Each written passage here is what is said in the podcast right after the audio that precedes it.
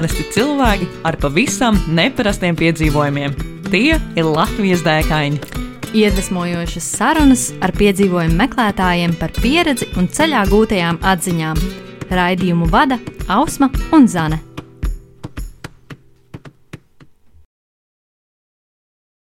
Esiet sveicināti Latvijas dēkaņu 61. epizodē. Ar jums kopā Ausma Zane. Un mūsu šīs dienas viesne ir Aleksandra Zemke. Čau, Aleksandra! Čau, meitenes!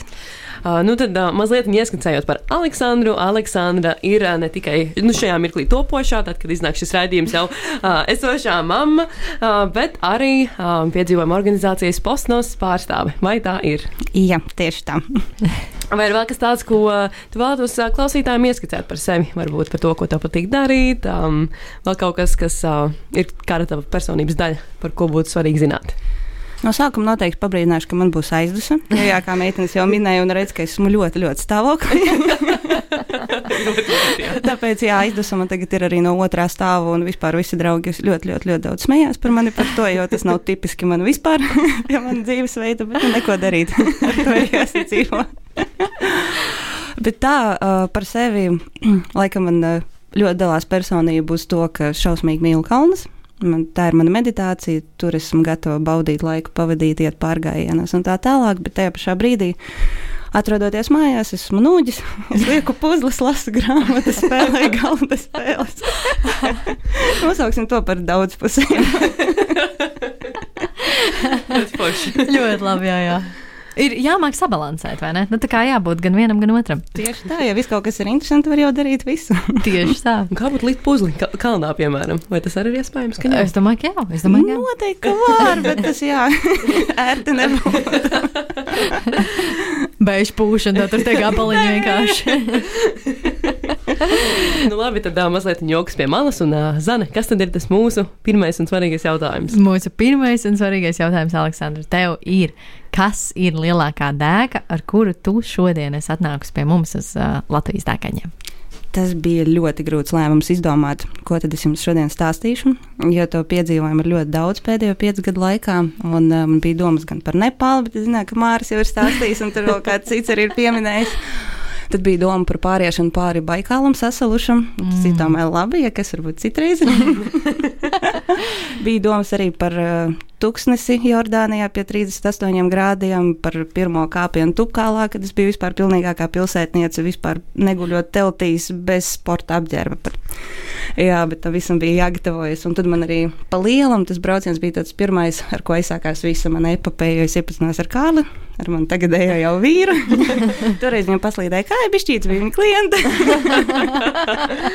bet nu, te nu mēs esam pieci gadus vēlāk. bet jā, bet beigu beigās es paliku pie tā, ka es jums šodien izstāstīšu par mūsu Ekvadoras piedzīvojumu. Mēs bijām tur ar grupiņu, tas bija piecu mēnešu ilgā brauc, ietvaros, piecu mēnešu ilgā braucienā pa Dienvidameriku. Wow! Jā, un pie mums tur rotēja brauca grupiņas. Viena atbrauca uz Peru, mēs satiekam, otra atbrauca uz Ekvadoru, mm. trešā uz Kolumbiju, un tā mēs tur divas Tik nedēļas ar burvīgi. grupu. Jā, Wow. jā, un divas nedēļas paši. Un uh, ar Ekvadoru bija tā, ka mēs atbraucām uz Guajakilu pilsētu. Un mums naktsmītnē brīdina, nu, mums šobrīd ir tādi nemieri. Jūs tā uzmanīgi vakaros labāk nekur neiet. Nu, mēs kā parasti. Ai, nu viņi jau pārspīlē. Tieši tā, mūsu galvā uzreiz nemieru, kā Latvijā sankcionēti. Pie vienas ēkas desmit cilvēki. Plakāti. Tieši tā. Un uh, mēs izdomājām aiziet pēc pizzas. Ejam pēc pizzas, atrodam pizza hut, dīvaini. Durvis ir cietas, cilvēki ir iekšā. Nu, mēs pieklauvējam, mūsu ielaiž atkal aiztaisam. Mēs jau tādi, nu labi, ir interesanti. Sagaidījām pizzu, ejam ārā, un tad sākās. Sāk skriet cilvēki, riktīgākie bari. Kliedz, ka ir sācies karš. Visur fonā šauju, ir kaut kāda sprādziena, un mēs ī- redzam, ka tur nāk rīktīgākais pūlis. Nu, tā kā es, man liekas, nekad mūžā neesmu redzējis. Nu, tikai koncertos. Noteikti ne nemieros vai kaut kādos protestos. Mēs to visu mēģinām filmēt, skrienot pa pišķītiem. Iekšā ir vienkārši jau viss sāk drebēt no tām sajūtām, no tām skaņām. Aizskrienam aiz stūra, domājam, nu viss. Nē, uz mūsu brau, pusi brauc uh, motocikls ar policistiem, ar steku. Un viņš jau vienkārši tulīt plāno mūs klapēt. Kārlis kliedz, rāda, mēs esam balti, mēs esam turisti, mēs esam turisti. Vienkārši viņš man aizsaka. Viņa paskatās, paskatās tā uzmanīgi. Jā, labi, ir turisti un aizbrauc tālāk. wow. Man vispār stress, nu, loģiski man es sāku visu trīcēt no tā visa. Kārlis arī saka, tā ātrāk meklējam taksi. Un tur redz vienkārši, ka tie visi cilvēki skrien visās durvīs iekšā, visi laiž viens otru, vienkārši taisa durvis ciet. Tā mēs beig beigās izkrājām, izmukām, viss kārtībā, dabūjām taksi, aizbraucām, domājām, wow! Labi, bet tas bija tikai sākums. Tur jau mēs bijām divatā. Un pēc divām, varbūt trim dienām bija jāatbrauc visai grupiņai, vēl desmit cilvēkiem. mm -hmm. Tad, principā, jūsu pirmais iespējas par šo valsti bija, ka turistus nesit ar steku, bet ir ļoti daudz cilvēku, kuri neapmierināti ar kaut ko. Tieši tā. Un uh, bija ļoti maz informācijas internetā. Lielāko daļu visu bija spāniski. Mm -hmm. Cik nu mēs runājām spāniski tajā brīdī, tik cik mēnešu laikā es iemācījos. Un, bet mēs nopratām no vietējiem, mums izstāstīja, ka problēma bija tajā, ka tā brīža prezidents Lenins Moreno atcēla subsīdijas benzīnam, un cenas uzkāpa no 30 līdz 50 procentiem. Mm. Un loģiski, neviens par to nebija priecīgs, neviens nebija apmierināts, un viņi ļoti izteikti to parādīja. Ko tie latvieši parasti oh, sūdzamies Twitterī, cik slikti, cik dārga degviela, tikmēr Ekvadorā cilvēki vienkārši skrien un protestē. Vai šie nemieri arī turpinājās tālākās dienas? Jā, jā turpinājās gan. Atbrauc uh, grupiņa, mēs palikām no sākuma citā vietā, un tad mēs pārvācāmies uz to vietu, kur jābrauc grupai. Visi ir savākušies, mēs ejam, mums vienkārši tajā viesnīcā pasaka, mēs jums visu cancelojam bez jebkādām naudām, nekas vienkārši brauciet projām, kaut kur ārpus centra nepalieciet, jo šeit visvairāk viss notiek. Mēs redzam, sienas ir sadegušas, visur mētājas riepas. Cilvēki staigā ar elektrošokiem, ar stekiem, ar kaut kādām maskām. Nu, tās visas sajūtas ir tādas ļoti creepy. Nu, Jā. tu, tu nesaproti, tu saproti, ka var notikt jebkas, jebkurā brīdī. Stāstīja arī viesnīcas īpašnieks, ka līdz otrajam, stāv, otrajam stāvam tiek uh, gāze Nu, viņi laiž to piparu gāžu vai vēl mm -hmm. kaut mhm. ko, un pat to var just istabiņās. Kā jūs rīkojaties? Kā, kāds bija jūsu lēmums? Ņemot, ņemot vērā, ka jūs ne tikai tur bijāt nu, paši kā turisti kaut kādā mērā, bet arī jums ir jāuzņemās tomēr atbildība par cilvēkiem. cilvēkiem. Tieši tā. Mm. Tas bija interesanti. Principā visi atbrauc tajā brīdī, un uh, mēs atradām citu naktsmītni. Mm -hmm. Un uh, tā kā arī īsti nebrauc. Neviens negrib doties. Vienu dabūjām un iesēdinājām visas meitenes ar visām mantām. Kālis, protams, centās arī man tur iebāzt, bet es teicu, es nepalaidīšu to garām. Kā piedzīvojums paies man garām. un mēs aizsūtījām meitenes ar visām somām uz to vietu un paši aizgājām meklēt citu taksi. Nu, beig, beigās mēs tikām uz viesnīcu tikai pēc pusotras stundas. Mm -hmm.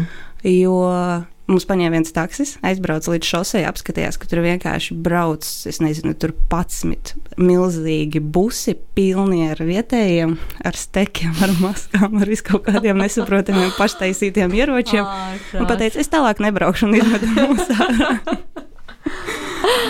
Bet, uh, kā turpinājās jūsu ceļojums? Respektīvi, ņemot vērā, ka visu laiku jums paudāja šie nemieri, ir cilvēki ar elektrošokiem un stekiem, kas staigā pa pilsētu, plus vēl šie cilvēki. Uh, vai jūs kaut ko mainījāt, varbūt savā maršrutā tālākajā, vai jūs tā arī darījāt, kā ieplānots, un uh, kā jums tas viss vispār turpinājās? Mums nereāli noveicās. Mēs atcēlām principā visu palikšanas, visu transportus, visu. Mēs bijām uz pilnīgākās nulītes. Lielākais mm plus bija tas, ka grupiņā bija visi savējie, kas visi jau ir braukši ar mums Viņi zināja, kā tas notiek, viss būs kārtībā, mēs kaut ko izdomāsim. Un uh, pirmā diena mums tāpat bija plānā pa pilsētu, tad mēs ko varējām iztaigājām apkārt tam visam. Un uh, pienāk nākamās dienas rīts, kad ir jādodas tālāk. Visi sēž brokastīs un prasa, nu, ko mēs darām. Mēs tādu, mēs to pateiksim. mēs visu iepriekšējo dienu mēģinājām atrast citās valstīs, kur var doties ar kaut kādām naudām, vienalga vienkārši aizlidot, aizbraukt citas pilsētas, visus variants. Nekā nav. Mm -hmm. Mēs izējām ārā, nervozi pīpējam, stāvam, nu mums nav plāna. jā, jā, jā. Bet viss tur sēž tik mierīgi, jā, nu viņi to ir pateikt.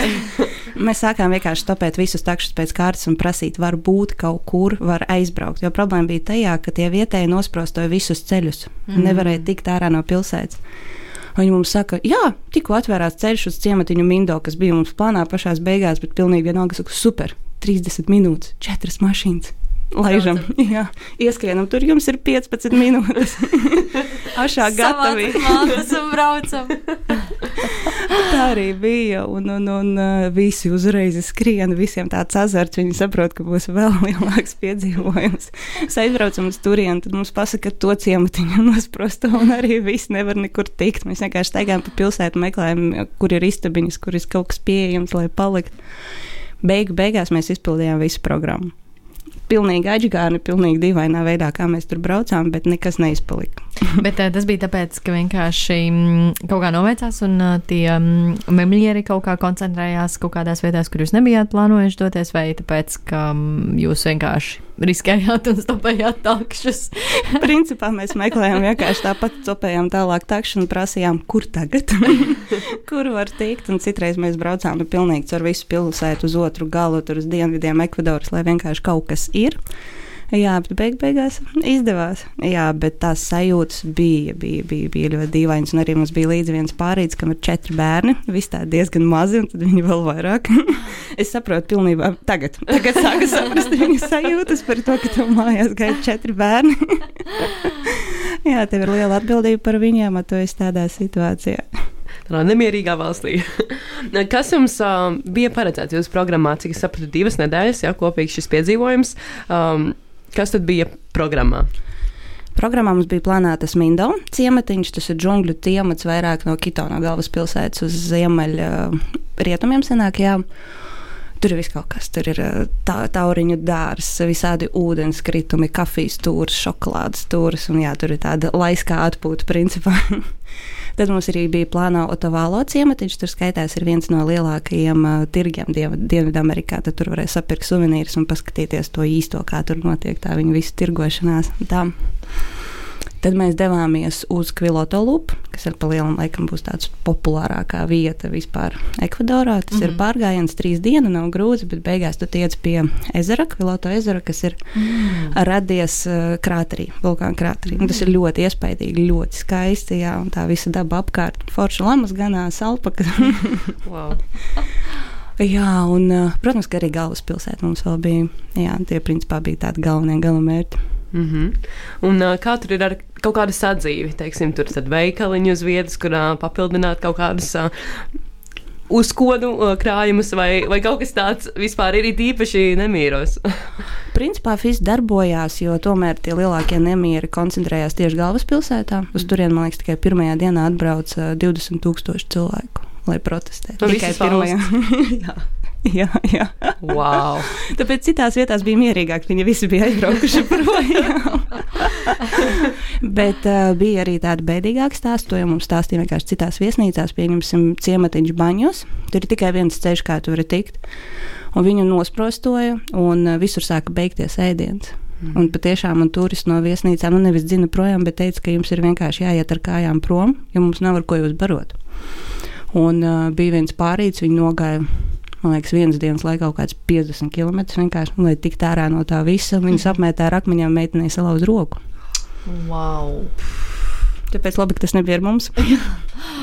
jā, bet uh, nu, tas vispār man liekas.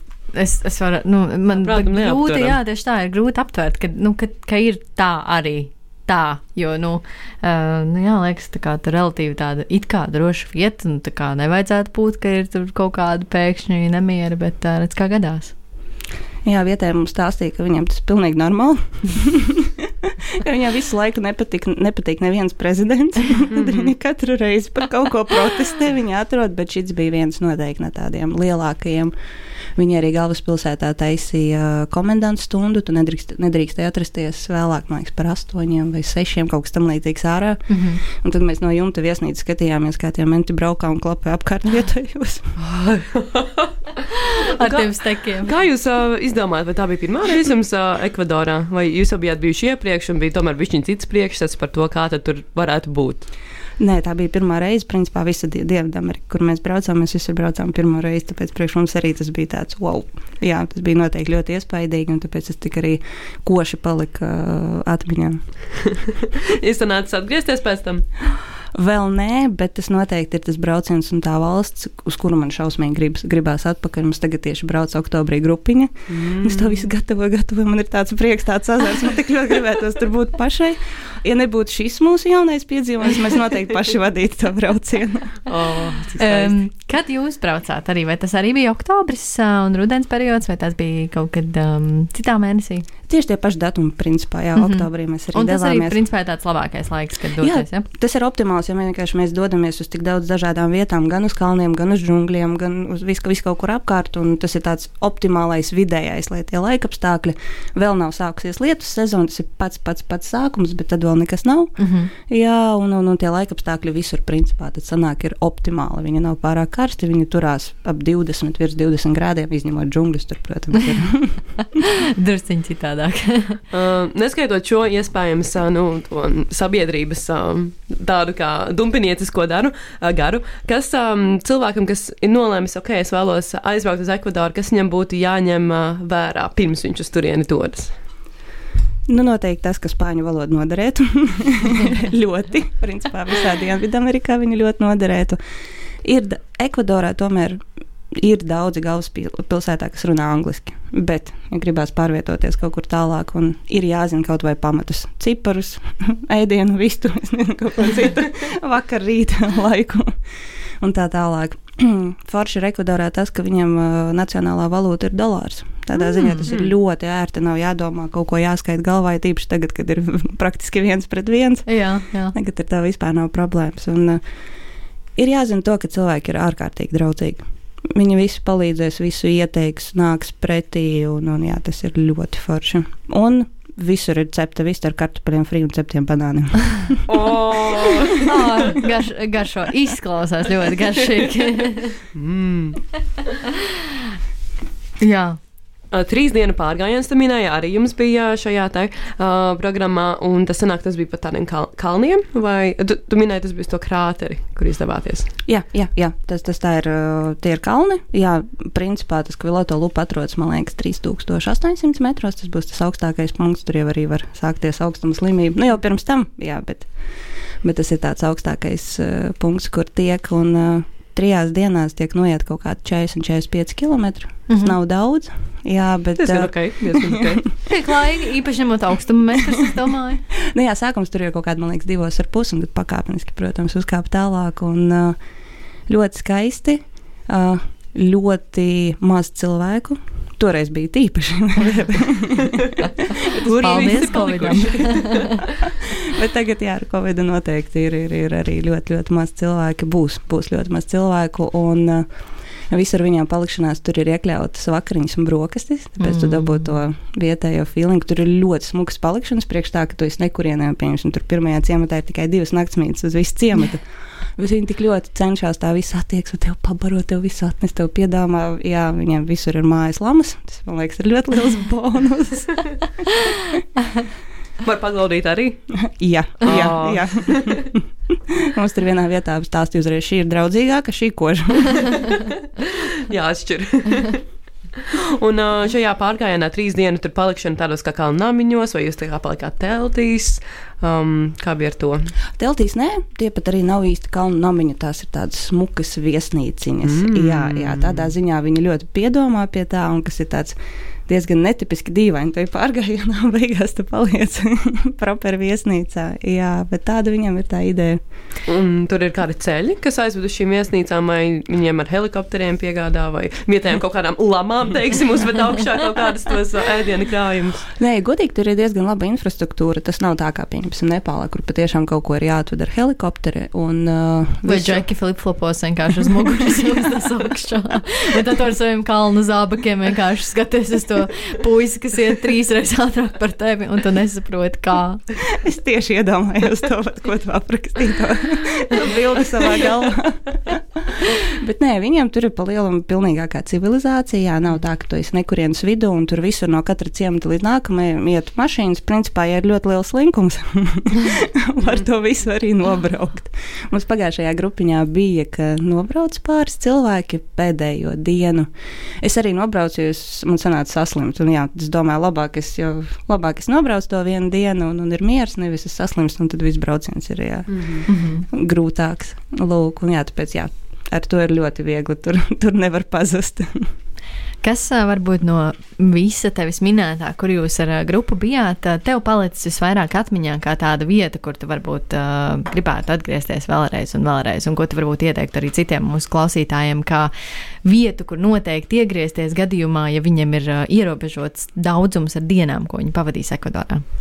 Es noteikti nosauktu to Mindo mhm. ciematu, jo tur bija kaut kāds īpašs garš. Gars, jā, tas ciematiņš, viņš ir viss ieskauts džungļos, absolūti viss. Tur ir foršs ziplainings, kur tu vari izbraukt, mm. un tu mhm. lido tieši cauri džungļiem. Citreiz tev kaut kāds zars tur trāpa lapā, vēl kaut kas čūska. to neredzējām, bet arī var gadīties. Suvenīrs.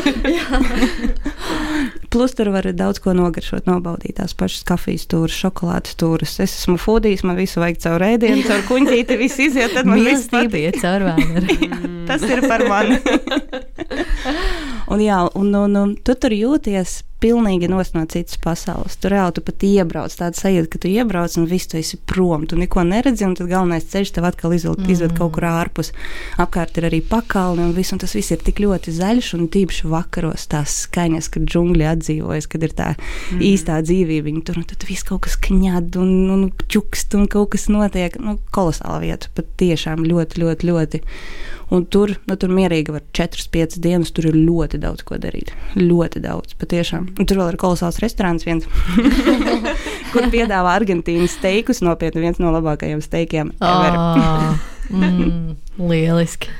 Un, lai aizbrauktu uz Ekvadoru laicīgi, ir jāsāk ar kādas atļaujas, vīzas um, vai kā ir ar šo dokumentu pusi, braucot uz šādu galamērķi? Nekā nav. Nu, šobrīd ar covid ir jābūt vakcinācijas certifikātam, pilnam vai nu, testam. Tas viss ir liekas, šobrīd ir standartā kaut kur ārpus, bet vīzas vai kaut kas cits papildus, kas ir ārpus tā, nesaistīts nekā nav. Mm -hmm. Tad jā. vienkārši ieldo, ieliek zīmodziņu ja, jā, un dodies. Un dodies piedzīvojumā. Wow. Oh, cik burvīgi. Cik ilgu laiku tu drīkst atrasties tur, teiksim, ceļojot no Latvijas? Tur ir kaut kāds ierobežojums. Es vienkārši zinu, ka ir valstis, kur, teiksim, ir 180 dienas un tā. Vai 90? Vai 90, jā. Ja vai godīgi godīgi, es precīzi neatceros. Mm -hmm. Jā, jo mums tāpat tas brauciens ir divas nedēļas, tāpēc mm. mēs īsti par to ne, no, nu jā, nu, neiedziļinājos. Jā. Bet tur ir gana daudz. Tur noteikti ir kā minimums 30. Tur nav tā, ka tev arī pārbauda biļetes, ielidojot, skatās tavu atpakaļ ceļu, mm -hmm. vai tev ir vai nav. Jā, nekas tāds nav. Hmm. Ļoti forši. Un, uh, naudas uh, izteiksmē, vai uh, ir tāds kā dārgs galamērķis, vai nu, tāds uh, nu, diezgan ok, ka var atļauties arī tā tā, tā karaliskāk padzīvot. Kā, kā īsti ir ar šo? Tur noteikti ir lētāk nekā Latvijā, bet tur mhm. noteikti ir dārgāk nekā Āzijā. ja tā var salīdzināt. Jo Āzijā, nu, principā, tev ir, es nezinu, tur maltīti viens eiro arī var dabūt Vietnamā pilnīgi mierīgi. Tad Ekvadorā, nē, pa vienu eiro nevarēs pāriest. Nu, sākot ar 2,50. tas steigs, jā, piemēram. Kā, kā ar to steigu, piemēram? Tas steigs toreiz, tas bija cik 3, gadus, 3 4 gadus atpakaļ, viņš maksās 6 eiro. Oh, tagad, paskatoties uz mūsdienu cenām, 25 un, un augstāk. Jā.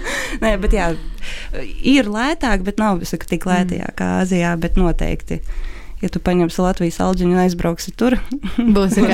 būs okay. un tur uh, norēķināšanās skaidrā naudiņā parasti vai arī ar kārti ir iespējams? Noteikti labāk ir pārsvarā visur Dienvidamerikā izmantot skaidro naudu. Protams, ka ir opcijas. Tīpaši galvaspilsētā Kito viņa ir diezgan attīstīta. Tur mm -hmm. ir mhm. viss, tur var arī atrast visādas brendu veikalas un visu, ko gribās, un ar karti var maksāt, bet, nu, skaidrā nauda ir skaidrā nauda. Tur ar to nevar noiet. Jā, Mindo noteikti par, skaidru, par karti var aizmirst. Jā, Kviloto lupā arī var aizmirst par karti. Kas tad tas? var nogriezt mazu gabaliņu katram vienkārši no kartes. Lūdzu, sadalīt. Uh, kādas bija varbūt atsauksmes uh, no jūsu grupas biedriem, kas uh, tad, kad jūs, jo parasti vienkārši es esmu arī bijusi, mm, es parasti ceļoju viena, nu, neviena, bet tā kā, nu, pati plānoju savus ceļojumus, bet uh, mēs ar Ausmu esam bijuši kopā arī organizētā ceļojumā, man liekas, ka viens no interesantākajiem posmiem parasti ir tā re reflektēšana uz to pasākumu, kas, kā, nu, pēc tam, kā pēdējā diena, visi tur garšīgas vakariņas, uh, varbūt uh, kā, kā bija tiem cilvēkiem kopumā, vai viņi atzinās, ka tomēr bija tāds bišķiņu bailes kaut kādā brīdī, vai arī tomēr viņi bija tā ļoti pārliecināti, ka jūs uh, abi ar vīru tiksiet galā un atrisināsiet visas šīs situācijas. Jā, mums, protams, arī katrā grupiņā ir tāda jā, refleksijas vakara pēdējais, kad mēs pārunājam. Un, uh, noteikti uztraukums bija visiem, jebkurā gadījumā. Ne tik ļoti par to, kā brauciens izdosies, bet vienkārši par to visu situāciju. Mm -hmm, nu, ja to mm -hmm. apzināties, jebkurā gadījumā tie riski ir ļoti lieli. Tīpaši, ka tu ej pa ielu un tu redz tos pūļus, un vai tu uztrāpies viena kustība, viens kaut kāda skaņa, un ja tas pūlis viss aizskrien kaut kur, nu, nu, nu jā, būs jā. slikti. Bet, uh, jā, ko grupiņa teica toreiz, nu viņam bija miers, ka mēs noteikti kaut ko izdomāsim. Tāpēc viņi arī īsti mums tur nepārjautāja. Viņi vienkārši tikai pēdējā dienā, kad bija aizbraucis, bija pirmais jautājums, nu, ko mēs darām. Bet patiešām viņiem milzīgs paldies par to uzticību mums, mm -hmm. jo varbūt būtu svešie, būtu savādāk, būtu vairāk kaut kā jāmierina, jāskaidro, un, un ar viņiem tā nebija. Mm -hmm. Tāpēc jā, paldies viņiem par to uzticību un, un, un pacietību, vispār riskēšanu. Jo bija no sākuma arī tur pēdējā vakarā, tur bija dažiem aizdomas, pārdomas par to, ka varbūt nedodies tomēr nebraukt nu, pirms mm -hmm. izlidošanas, jo tomēr tu nesaproti, kas būs. Mm -hmm. Jā, un tad tomēr viņi paļāvās. Nu, tas noteikti visiem bija viens tāds nu, jā, tas, es domāju, ka šis ir kaut kas, ko tu atceries visu mūžu mūža garumā, ka tu esi bijis um, kaut kādā tādā ļoti interesantā situācijā, kad vienkārši ir nemieri. Jo šis gan nesaistīts ar Ekvadoru, bet um, arī viena draudzene pazīstama šautots Annai, kas droši vien klausās mūs. Uh, viņa bija tieši Covid sākumā Indijā, viena pati. Un viņi saka, nu, nevienu, nevienu nelaiž ārā, ja tu izej ārā, tev nāk ar stekiem vienkārši un sit un dzen atpakaļ. Un līdz ar to bija tā kā Annas glābšanas WhatsApp chats, kur viņa tā kā visu laiku stāstīja, kā viņai iet un ko viņa dara. Un tad, nu, paldies Dievam, viņa ļoti veiksmīgi tika mājās. Wow. Jā, bet, bet viņa arī teica, jā, ka, nu, pirms tam viņa tā kā pat neiedomājās, ka Covid varētu būt kaut kas, kas vienkārši izjauks viņas to ceļojumu tik lielā mērā, ka viņi nezinās, kā vispār nokļūt atpakaļ mājās. Līdz ar to, jā, tas tāds. Ļoti labi saprotu Annu. Ja mēs tieši Covid sākumā iestrēgām Nepālā. mums nebija tik nemierīgi kā, kā viņai Indijā. Mums ar stekus un ar stekiem neviens neklapēja tur. Bet kādiem jā. citiem paštaisītiem. es redzēju bildes par kaut kādiem tādiem kā knaiblēm, kurās paņem cilvēkus un iebāž busos, bet es nezinu, mēs tādus neredzējām. bet jā, mums tieši sanāca aizlidoja grupiņa. Nu, principā jau viss teica, ka nu, tajā dienā slēdziet lidostu un visi lidojumi tiek atcelti. Un tad grupiņa aizlidoja, mēs izdomājām, ko mēs sēdēsim Latvijā, paliekam, paņemsim moci, brauksim uz dienvidiem. Un nākamajā dienā viņi uzlika pilnīgāko lockdown, un mēs nosēdējām viesnīcas numuriņā pusotru mēnesi. Oh! oh! ok, šis, tikai, ko jūs to pusotru mēnesi tajā istabiņā darījāt? centāmies nesakasīties. tas ir izaicinoši. tas bija tāds pārbaudījums attiecībām. Man liekas, ja mēs esam pārdzīvojuši to. Un plus vienā vietā. Jā, jā, jā. Laiku. No sākuma bija ļoti grūti, jā, jo arī uz ielām nedrīkstēja iet. Reāli menti sūtīja atpakaļ. Mums ļoti paveicās, ka tā viesnīca pieder mūsu draugam. Mums jau tur ir ilgadēji sadarbības partneris draugs. Un tad viņš mums tur arī baroja visu kopā ar saviem darbiniekiem, kas palika tur. Mums arī menti sauc uz vakariņām. Nu, no ko es nāciet? Labi. Bet pēc tam sāka pa bišķītīm vērties vaļā kaut kādu veikalu, kurus to tā pasauc, pss, pss, nāc, nāc, nāc, un tu, tu vari ielīst, un viņa aiztais vārtus, tu nopērci, ko tev vajag, un atkal atver wow. un tu ej ārā. Ārprāts, cik interesanti. Piedzīvojums mēneša garumā viesnīcas numurā. wow. Jā, man šķiet, ka mēs ar tevi, Aleksandru, varētu runāt ārkārtīgi daudz, un man šķiet, ka tava pieredzes bagāža ir ārkārtīgi plaša par šiem pieciem gadiem. Uh, un tomēr raidījumam uh, un podkāstu epizodē dodoties uh, uz uh, otru pusi, uh, mūsu otrs jautājums, ko mēs parasti uzdodam, ir par Latviju. Un tas ir tātad. Kas tad ir piedzīvojums, kur ieteiktu piedzīvot šeit, pat Latvijā? Šeit būs nedaudz reklāmas. Viss kārtībā. nu, es noteikti ieteiktu iziet, mēģināt nakts izaicinājumu. Viņam tagad tieši sāksies sezona. Posmasnāks izaicinājums. Jā, posmasnāks mm -hmm. izaicinājums. Tieši tā, tā ir taka, ko var iet tikai tumšajā dienas laikā, tikai tad, kad noriet sauli, jo tu redzi taku ar caur um, atstarotājiem. Mm. Tev ir jāspīdina, un tā tu redzi, kur ir nākamais posms, kur tu dodies. Mm -hmm. Pēc iegādes tu dabū aplikācijas sākuma punktu. Tas ir pie netālu aiz Garkalnes, nav tālu mm -hmm. no Rīgas. Jā, un tu ej, tur ir kaut kādi, man liekas, 13 km, nav daudz, bet tās sajūtas, ka tu ej pa nakti ja gribās ļoti ekstrēmi, var iet vienam. Nervus kutinoši. tu visbiežāk to iet grupiņās, nu, ar draugiem kopā, un tur uztais arī pa nakti pikniku, un visu, un atkal arī mežs atdzīvojas, visas interesantās skaņas, un, un jā, brīkšņi, brīkšņi, jā, protams, ka vai, nu, jūs ir ieteicams, jo arī upīts ir jāšķērso, un tā, un tad, protams, nu, jo vēlāk, jo labāk tā jau var sākt arī pa ziemu, arī vakarā, jau sešos iet, mm -hmm. nav mhm. obligāti pa nakti.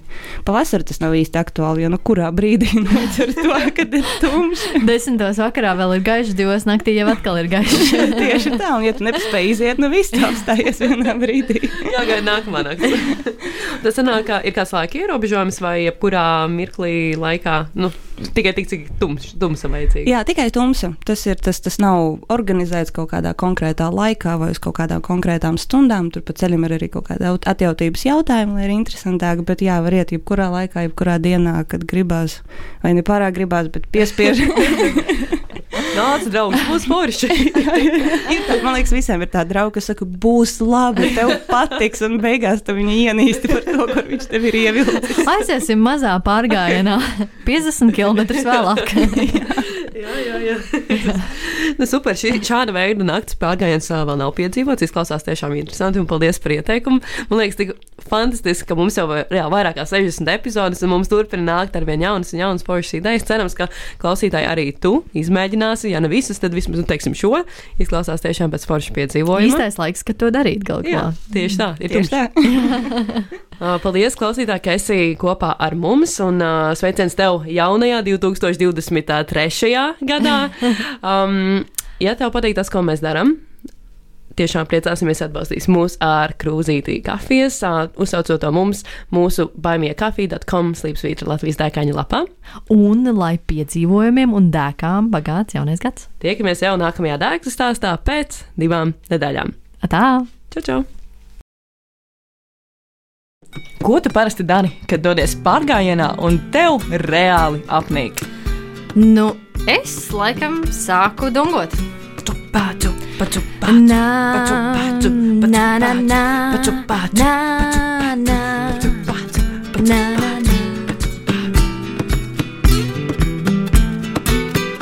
Iedvesmojošas sarunas ar piedzīvojumu meklētājiem, viņu pieredzi un ceļā gūtajām atziņām. Katru otro trešdienu, pulkstens 11. Radio Nabaviļņos. Raidījumu vada Ausma un Zana.